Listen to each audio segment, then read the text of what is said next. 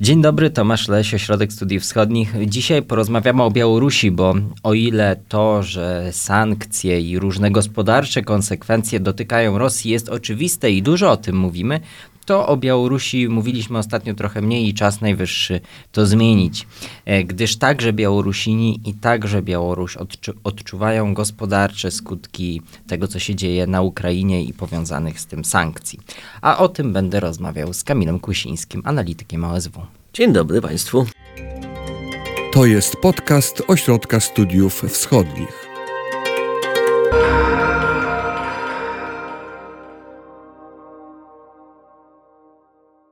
Zacznę od takiego ogólnego pytania ocennego. To znaczy, jak dotkliwe są sankcje, które dotknęły także Białoruś? Są bardzo dotkliwe, e, nawet bardziej dotkliwe niż odnośnie e, do Rosji, bym nawet tak to ujął. Białoruś jest krajem bardzo e, małym, w porównaniu z Rosją, ale też w porównaniu z wieloma, wieloma państwami w Europie, krajem pozbawionym surowców, poza właściwie solami potasowymi, z których produkuje nawozy potasowe, o czym pewnie za chwilę, bo to jest ważna kategoria eksportu Białorusi, ale cała właściwie pozostała produkcja przemysłu ciężkiego białoruskiego, chociażby na przykład e, produkcja rafineryjna, produkcja paliw opiera się na surowcu importowanym importowanym z Rosji. No tutaj w tym przypadku troszeczkę Białorusi się powiodło, bo Rosja jest sojusznikiem takim bardzo trudnym i problematycznym, ale jednak sojusznikiem Białorusi i sprzedaje tę ropę i sprzedaje również gaz, który w 100% pochodzi z importu. Białoruś nie ma żadnych złóż gazu no to jednak jest to, jest to obciążenie, bo nie można tutaj obniżać kosztów, tak jak to robi Rosja i zarabiać też na eksporcie surowców, tak jak to wciąż robi Rosja. Białoruś też jest bardzo zorientowana na eksport, ma słaby rynek wewnętrzny, to jest tylko 10 milionów obywateli, już nawet mniej według ostatnich spisów powszechnych, więc bez popytu y, eksportowego, bez otwartych rynków zagranicznych, w tym bardzo dochodowego unijnego ukraińskiego, ta gospodarka umiera. O eksporcie zaraz y, dopytam bardziej szczegółowo, ale podstawowy wskaźnik to jest PKB i tutaj już też widzimy, chociaż to jest, są dane za pierwszy kwartał, więc, y, więc jakby no, obejmują też te dwa pierwsze miesiące bez wojny. Jak to się przedstawia w tym wskaźniku? Zdecydowałem się to opisać szerzej właśnie na, na, na stronie ośrodka, ponieważ pojawiły się dane za kwartał. To już jest jakiś okres, który nam coś mówi. Dane z jednego czy dwóch miesięcy są jeszcze mało miarodajne, E, ale właśnie jak, jak przejrzymy ten cały kwartał, te trzy miesiące, to już mamy taką, taką pigułkę e, tendencji w białoruskiej gospodarce, ta, taką, taką, taką jakby soczewkę e, w skali kwartału. W pierwszym miesiącu, w styczniu, jeszcze wzrost był dość duży, powyżej 2%. Następnie w, w lutym to było tylko 1,2, więc już widzieliśmy spadek, ale wciąż jeszcze wzrost, tylko już z mniejszą dynamiką. Wtedy zresztą od 1 lutego Litwa zablokowała tranzyt wspomnianych już przeze mnie nawozów potasowych do portu w Kłajpedzie i to już ta jedna rzecz wpłynęła w sposób istotny, plus inne, może mniej tak e, uderzające w taki natychmiastowy sposób, jak na przykład wygaśnięcie kontraktów paliwowych, to jest bardziej długofalowy proces. E, a marzec to już jest, to, to już jest tendencja odwrotna, spadkowa. Po raz pierwszy od grudnia 2020 roku a to był okres pandemiczny, więc też wtedy były inne zupełnie przyczyny. Po raz pierwszy od grudnia 2020 roku kończy się wzrost białoruskiej gospodarki on się kończy nie bez przypadku, bo właśnie w związku z sankcjami, w związku z wojną, z agresją rosyjską na Ukrainę, w związku z załamaniem białoruskiego eksportu i szeregiem innych zjawisk, które pogrążają białoruską gospodarkę. E, właśnie, to skupmy się teraz przez chwilę na tym eksporcie, potem przejdziemy do dalszych elementów y, problemów białoruskiej gospodarki. Właśnie ten eksport. Mówiłeś o o, branży, o potasie, o nawozach potasowych, e, ale także branża petrochemiczna między innymi, e, między innymi traci jako całość. Tak, to przez lata były filary białoruskiego eksportu. E, przemysł ciężki, duża część przemysłu ciężkiego białoruskiego, odziedziczonego jeszcze po okresie radzieckim i modernizowanego w miarę dostępu e, środków, w miarę możliwości technologicznych też, ale z dość dużym powodzeniem modernizowanego. Gdyby nie sfałszowane wybory, czy akt, sam akt sfałszowania wyborów prezydenckich na Białorusi w 2020 roku, następnie gdyby nie, to było nawet ważniejsze, brutalne represje represje, okrutne represje wobec demonstrantów, y, ta modernizacja i rozwój białoruskiego eksportu postępowałby nadal.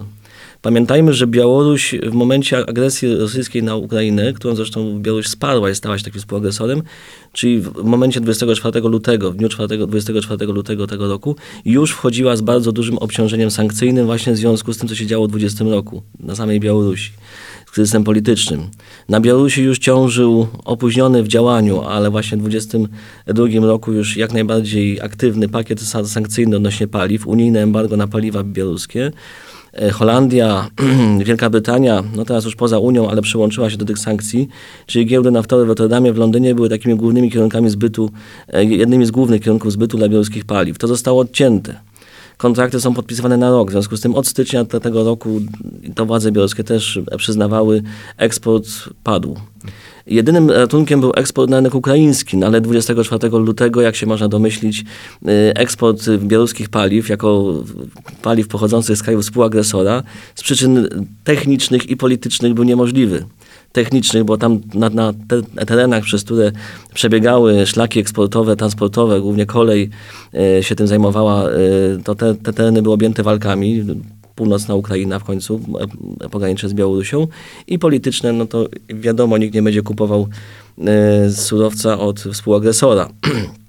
Więc ukraiński rynek też odpadł, w związku z czym obecnie po raz pierwszy w historii niepodległej Białorusi i władze białoruskie też to publicznie przyznają, nie ma eksportu, nie ma sprzedaży na eksport paliw, one są sprzedawane na razie tylko na rynek wewnętrzny, który nie jest tak rentowny, nie jest tak duży, wystarczająco duży.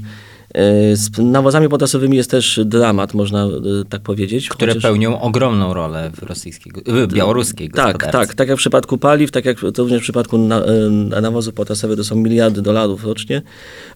w przypadku nawozów potasowych na przykład od 2 do 3 miliardów, miliardów dolarów rocznie samej sprzedaży. Tutaj Unia nie była takim istotnym rynkiem zbytu, ale port litewski w Kłajpedzie był ważnym oknem, takim eksportowym szlakiem, punktem przeładunkowym dla tych nawozów. Białoruś nie ma dostępu do morza. Jak wiadomo, potrzebuje wsparcia państw morskich, y, które taką infrastrukturę portową mają. Od lat Litwa była takim zapleczem, czy też oknem eksportowym dla y, białoruskich potasów. I w związku, to już, o czym już wspominałem, z amerykańskimi sankcjami, też odłożonymi w czasie, bo tam był okres przejściowy, podobnie jak w unijnych, na nawozy potasowe, Litwa od 1 lutego zamknęła port y, w Kłajpedzie dla tranzytu potasów, nawozów potasowych. Władze białoruskie znalazły się w trudnej sytuacji, jeszcze do wybuchu wojny.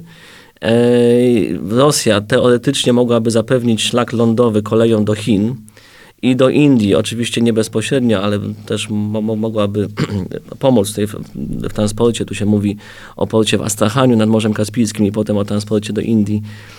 To oczywiście jest dużo droższe. Ale jest też, jest też problem y, logistyczny. Rosja potrzebuje wagonów do własnego eksportu i nie ma aż takiej przepustowości, takiej gotowości. Łukaszenka wpadł w taką desperację i jednocześnie złość, ale to, te uczucia są często sobą powiązane. Zaczął opowiadać historyjki o tym, że bu- zbuduje się, się, się zbuduje nowy port. Się zbuduje. Tak, się zbuduje. No nie, no oczywiście my zbudujemy, ale ja to tak ironizuję trochę, no bo patrzmy na to wszystko trzeźwym okiem, że zbuduje się w ciągu roku, dwóch, no, nowy port, nowy terminal przeładunkowy pod Petersburgiem w obwodzie leningradzkim, no bo wciąż ten obwód tak się nazywa. Chciał się zabawić Piotra Wielkiego, który rzeczony Petersburg zbudował, ale też mu to trochę czasu za- zajęło, a ilu chłopów pańszczyźnianych zginęło przy tym. Obecnie są trochę inne czasy i technologie też wymagają więcej pieniędzy i bardziej się szanuje, mam nadzieję, życie ludzkie. Więc y, wy- wykonalność tej inwestycji jest y, mm, pod dużym znakiem zapytania. Rosja też chyba nie jest w stanie przy obecnym obłożeniu sankcyjnym tutaj tak pomóc. Więc jest załamanie eksportowe chociażby w dwóch, tych dwóch kategoriach, a do tego dochodzi nam ważny element. E, to jest pakiet sankcyjny z 2 marca. To już jest pakiet wojenny, tak nazywam go na roboczo, bo już został wprowadzony za to, że Białoruś bierze udział w agresji. To już nie jest za, e, tak jak te wcześniejsze, o których mówiłem, za represję wobec opozycji, za mm, olbrzymią liczbę więźniów politycznych, za brak gotowości do dialogu i tak dalej, i tak za sfałszowane wybory, czy też za kryzys y, migracyjny na granicy polsko-białoruskiej i litewsko-białoruskiej. To też był taki pakiet z grudnia ubiegłego roku. Pamiętamy jeszcze tą presję migracyjną. To już są sankcje za współudział w wojnie i tutaj widać wyraźnie inną jakość. Białoruś oberwała, mówiąc kolokwialnie, po całości. To może rozszerzmy to. W czym to się objawia? Co szczególnie zabolało Białorusinów? odrobina wprowadzenia. W zeszłym roku bi- białoruskie władze chwaliły się cudem eksportowym. Zresztą media ładnie to lekko i szybko podchwyciły, bo to jest bardzo też medialne. Cud, cud eksportowy stał się hitem też w białoruskich mediach. Rzeczywiście doszło do wzrostu w białoruskim eksporcie. E, W przypadku eksportu do Unii Europejskiej, bo tu o tym akurat mówimy e, w związku z sankcjami, to był wzrost o 70%. Imponujący. Tak, i też y, był to asumpt do różnego rodzaju populizmu antysankcyjnego, jak ja to na- nazywałem na roboczo. I opozycja białoruska częściowo, nie wszyscy, ale częściowo, część ekspertów i oczywiście władze białoruskie twierdziły, że sankcje nie działają. Więc co wy tam się na Zachodzie wygłupiacie? Ja Ale jak czas to wytłumaczyć? Już tłumaczę. E, To się wiązało z popandemicznym odbiciem e, na rynkach zbytu w Unii. U nas w Polsce też to obserwowaliśmy ta sprzedaż była też do Polski, ale zupełnie legalnie. Do, do- dotyczyło to głównie sektora budowlanego. Kategorie związane z budowlanym sektorem, z, z deweloperką. E, Każdy z nas widział, szczególnie do niedawna, ile się budowało w Polsce. Teraz są może trochę inne uwarunkowania. Ale jeszcze w zeszłym roku to był prawdziwy boom budowlany. Potrzebna była stal, potrzebny był metal, e, potrzebny był cement, e, potrzebne były wyroby drewniane, elementy drewniane, drewno częściowo przetworzone i drewno w czystej postaci. To wszystko szło z Białorusi w olbrzymich ilościach. Ten kraj ma dużą bazę produkcyjną i surowcową, jeśli chodzi o lasy na przykład. I ma bardzo rozwinięty przemysł i stalowy, i metalowy, i właśnie drzewny, czy, czy też cementownie. W związku z tym na tym zbudowali swój sukces. Sankcje z 2 marca odcięły właściwie wszystkie te kategorie, łącznie z paliwami i, i, i nawozami, które były wcześniej odcięte. Zgodnie z moimi, nie tylko moimi wyliczeniami, odcięto Białorusi od początku marca 70% eksportu do Unii Europejskiej.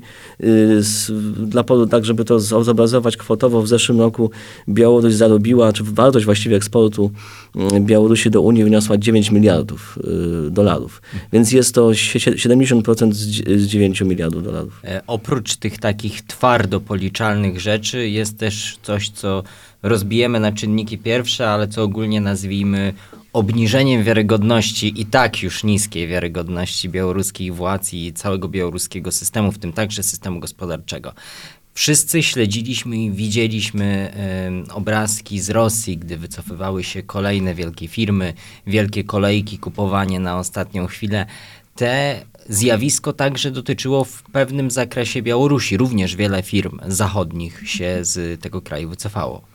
Tak, często to było sprzężone ze sobą. Nie, jest, nie dam głowy, że w każdym przypadku to jest y, praktycznie nie do sprawdzenia, tym bardziej, że też y, różnie firmy inwestowały. Nie było tak też zawsze, że jak da, dana firma weszła w tym samym z, z, zakresie do Rosji, to identycznie, analogicznie wchodziła na, na Białoruś. Te rynki są bardzo różne pod względem chłonności, perspektywiczności, zapotrzebowań konsumenckich i tym podobnych. Ale y, w większości to było sprzężone. Oba kraje stały się toksyczne. Ja też użyłem w tekście pojęcia syndrom toksycznej gospodarki, bo i państwo stało się toksyczne i sama gospodarka, jako też y, obszar inwestycyjny, środowisko inwestycyjne na Białorusi stało się wysoce toksyczne w związku z tą wojną, ze współagresją y, obu państw, znaczy współagresją białoruską, wsparciem agresji rosyjskiej na Ukrainę. Więc tak. Więc wyszły takie koncerny jak IKEA, która to też jest właśnie przykład a propos tego, co mówiłem. IKEA w Rosji miała swoje sklepy i to chyba dużo. Na Białorusi nie miała w ogóle, ale miała bazę drzewną. To mówiłem, że przemysł drzewny jest bardzo rozwinięty na Białorusi. Korzystała na przykład z białoruskich płyt y, wiórowych, płyt pliśniowych. Częściowo one też przybywały, przez, były importowane do Polski, w związku z czym ja włożyłem już od mie- miesiąc temu deficyt naszej IKEA w związku z brakiem kooperantów na Białorusi. Dużo od, osób to odczuło, tylko może Tak. nie zdawało sobie sprawy skąd. To głównie Białoruś, która była naszym takim najbliższym zapleczem, jeśli chodzi o komponenty drzewne, chociażby dla IKEA. E, od, wyszedł ISK, jeśli idziemy tą branżą meblową. Teraz dzisiaj się dowiedziałem, że wychodzi niemiecki Henkel, też znany, znany producent e, ch- tak zwanej chemii, słynnej chemii niemieckiej. E, wyszła, wyszła masa, masa firm. Ale z drugiej strony e, część została. E, Tych, ja tak znalazłem taką prawidłowość, że właściwie im większy inwestor, co jest dość banalnym zresztą wnioskiem, im więcej włożył Białoruś, im większe zyski tam osiąga, tym bardziej zachowawczo podchodził do, do decyzji o wyjściu. Ale jednak tych firm, które wyszły z Białorusi jest mniej niż wyszło z Rosji? W liczbach bezwzględnych na pewno, bo Białoruś jest dużo mniejsza, jest mniejszym rynkiem, więc wiadomo, że y, nie wszystkie marki, nie wszystkie firmy były obecne na, na Białorusi. Wiadomo, że więcej było ich w Rosji. Na, na przykład Leroy Merlin, y, mimo różnych podejść, nigdy nie otworzyła żadnego sklepu, jeżeli się nie mylę, na Białorusi. A, a y, w Rosji sa, sami wiemy, jak bardzo jest tam rozgałęziona i, zakorze, i zakorzeniona ta firma, co wzbudza też i kontrowersje w Polsce. Przecież słyszymy o bojkocie tej sieci u nas, w naszym kraju. Więc to są, to są troszeczkę y, inne sytuacje, ale mechanika jest podobna. Oba kraje stały się toksyczne. Również na poziomie makro stało się to problemem. E, Białoruś ma duże problemy z obsługą długu zagranicznego w euro i w dolarach. E, Wiarygodność i tak już niska spadła, spadła praktycznie do zera. Można nawet trochę ironicznie powiedzieć, że ma wartość ujemną, o ile możemy mówić o takiej ujemnej wiarygodności. Ale żeby zobrazować skalę tragedii, e, władze białoruskie już w grudniu zeszłego roku się oskarżyły, że finansowe sankcje amerykańskie, a sankcje amerykańskie są dużo bardziej rozbudowane i, i bolesne dla, dla podmiotów nimi obłożonych, te sankcje już w grudniu utrudniały obsługę długu zagranicznego. Białoruś ogłosiła w ślad za rosyjskim sojusznikiem, dość nieroztropnie, ale może nie miała innego wyjścia, może była presja Moskwy w tym temacie, że będzie spłacała swoje należności w rublach białoruskich, podobnie atrakcyjna waluta co rubel e, rosyjski. Więc jest to e, gest czysto polityczny i propagandowy. Nikt tego nie przyjmie. Nikogo tego typu waluta nie interesuje, a już z pewnością nie wierzycieli w dużych sumach. W związku z czym y, agencje ratingowe drastycznie obniżyły y, y, wiarygodność Białorusi do poziomu CCC. To już jest taki poziom przed bankructwem, przed niewypłacalnością. Białorusi rzeczywiście grozi w tym roku, podobnie jak Rosji, ogłoszenie takiej technicznej niewypłacalności w momencie, gdy będzie usiłował regulować chociażby swoje, swoje należności w białoruskich rublach. No to to już jest, to już jest z tym, z tym równoznaczne. I to też, to też widać, jeśli chodzi o spadek rezerw walutowych. Tak, spadają rezerwy, rezerwy walutowe, spadły rzeczywiście w sposób, sposób zauważalny. Częściowo one spadły y, dlatego, że władze białoruskie, chyba nauczone wpadką, tak mi się wydaje, że to była wpadka y, strony rosyjskiej, kiedy zamrożono Rosji połowę rezerw. No to dla moim zdaniem skromnym świadczyło to o fatalnym, i oczywiście nie tylko to, o fatalnym przygotowaniu się Rosji do, do tej wojny i aroganckim podejściu do Ukrainy. Myśleli, że to rzeczywiście 3-4 dni potrwa i nie zabezpieczyli rezerw, nie uciekli z nimi, w związku z czym stracili z 600 yy, miliardów dolarów praktycznie połowę. Białorusini za, zaczęli uciekać częścią rezerw też, lo- lokując je w innych miejscach, innych formach, aby właśnie nie zostały one, one zamrożone. Także też mają problem i też jest to wyzwanie. Jest to kraj obdarzony, wyposażony w znacznie mniejsze rezerwy, to jest 17 miliardów dolarów, to nie jest nawet 100 co by było je- jedną trzecią obecnych rezerw rosyjskich, czy jedną szóstą, patrząc na, na wszystkie, czy no, oczywiście nie jest to nawet jedna druga, a tym bardziej e, re- rezerw rosyjskich. Jest to kraj o dużo mniejszym potencjale, dużo słabszej gospodarce i tym samym mniejszych rezerwach. E, Jakiś czas temu słyszeliśmy kilka razy o czymś, co chyba trochę na, nad wyraz było nazywane nawet białoruską Doliną Krzemową. E, Jednak nie można zaprzeczyć, że rzeczywiście białoruski sektor IT był stosunkowo rozwinięty, ale chyba tu te słowo był i czas przeszły jest nieprzypadkowe. Ja z dużym szacunkiem podchodziłem do białoruskiego sektora IT, tak do 20 roku to na pewno z szacunkiem. I tym samym też na tym odcinku z szacunkiem do białoruskich władz. Oczywiście teraz to może brzmieć kontrowersyjnie, ale pa, pamiętajmy, że do sierpnia 20 roku był prowadzony dialog również z udziałem naszych władz e, z Łukaszenką, z, z władzami białoruskimi. Były na, na, nadzieje, że coś tam się zmienia. Wybory 20 roku pogrzebały te nadzieje. Łukaszenka sam sobie taki los zgotował i to była jego decyzja. Natomiast y, sukces sektora IT był takim świadectwem, że wtedy, że władze białoruskie są w stanie ra- racjonalnie podejść do przynajmniej pewnych aspektów życia gospodarczego, społecznego. No, olbrzymie, bezprecedensowe w historii Białorusi, w ogóle dla regionu wówczas swobody, wolności gospodarcze, warunki inwestowania, prowadzenia działalności dla właśnie sektora IT stwarzały taki inkubator, taki specyficzny inkubator, który czasem był nazywany białoruską Doliną Krzemową. I który też dobrze wykorzystywali bardzo zdolni białoruscy programiści informatycy. Tak, to był jeden z zasobów y, takich czynników warunkujących wzrost tego sektora bez kadr. A jak wiadomo, kadry decydują o wszystkim jest to myśl powstała na gruncie właśnie obszaru, o którym mówimy, dokładnie ze strony bolszewików padła. Więc, więc y, y, te kadry też tutaj zdecydowały o tym sukcesie. Finalnie to już jest oczywiście dana y, cyfra historyczna trochę, ale jeszcze w zeszłym roku sektor IT generował od 5 do 6% PKB i stanowił y, 29% dochodów z eksportu usług.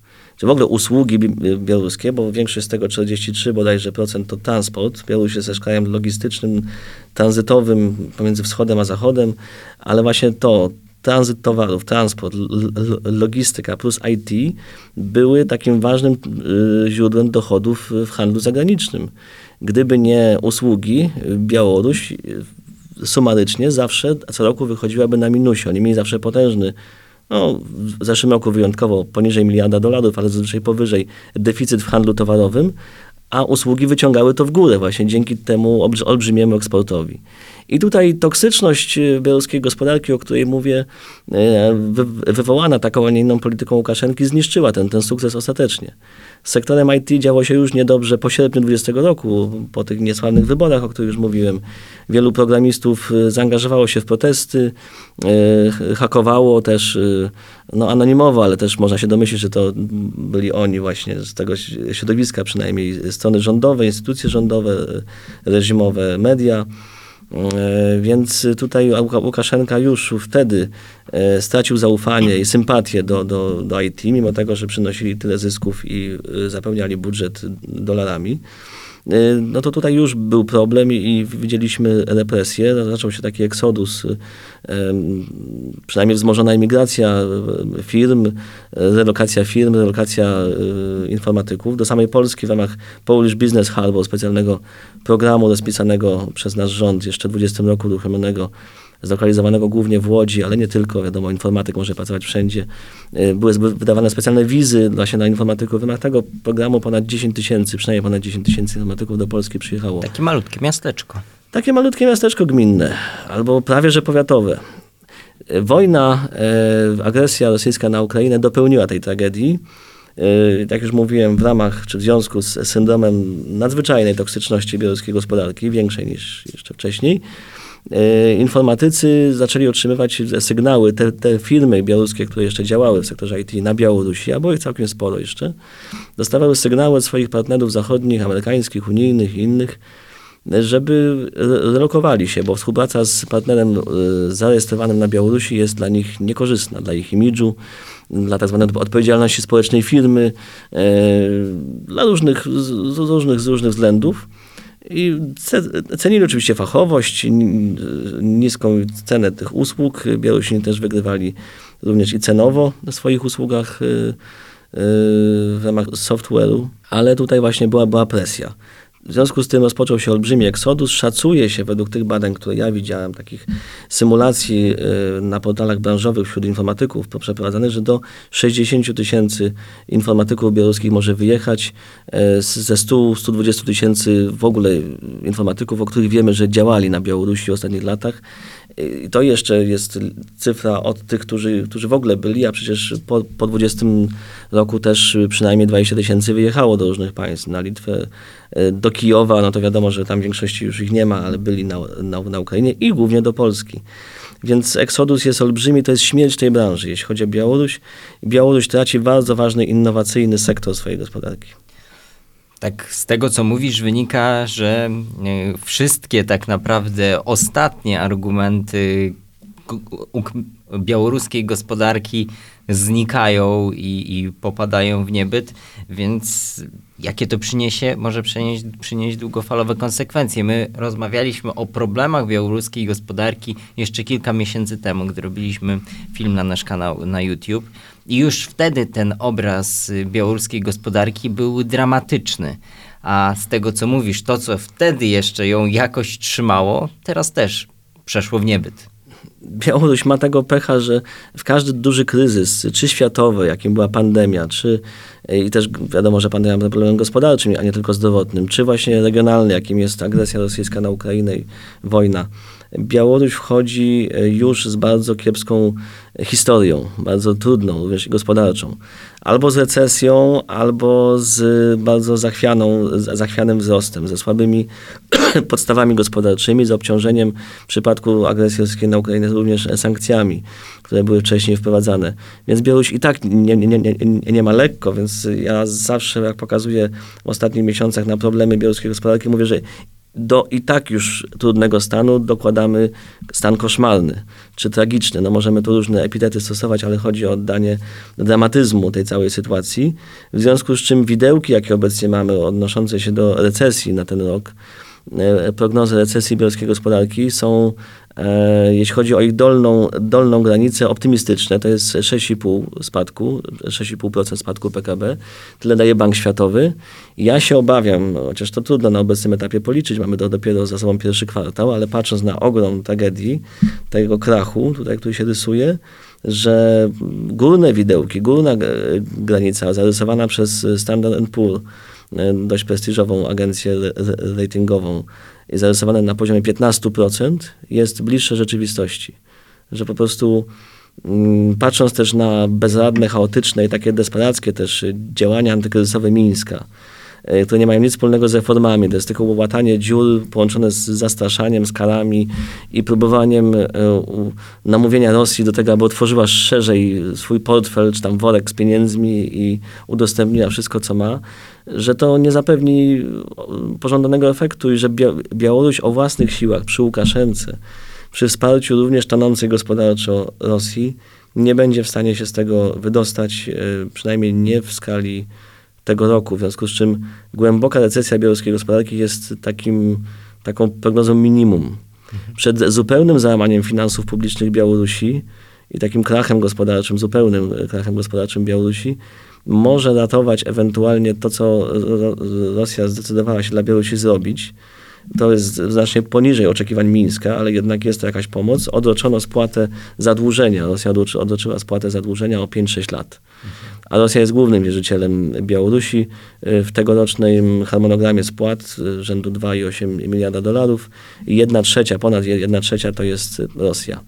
Więc jakoś to tam Białorusi ułatwia sytuację, ale absolutnie nie rozwiązuje wszystkich problemów, w związku z czym jeżeli patrzymy na Rosję, że Rosja tonie jako ten wielki okręt, Moskwa, paradoksalnie, czy może i nie paradoksalnie, to jest gdzieś też mały kuter, mała łódeczka Mińsk, która też troszeczkę idzie na dno. My to wszystko obserwujemy na osw.waw.pl.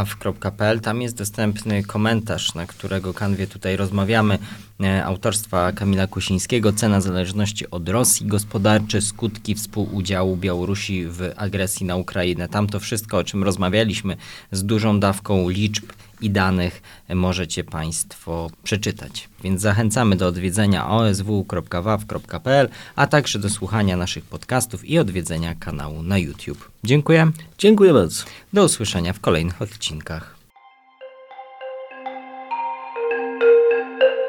Wysłuchali Państwo podcastu Ośrodka Studiów Wschodnich. Więcej nagrań można znaleźć na stronie www.osw.waw.pl.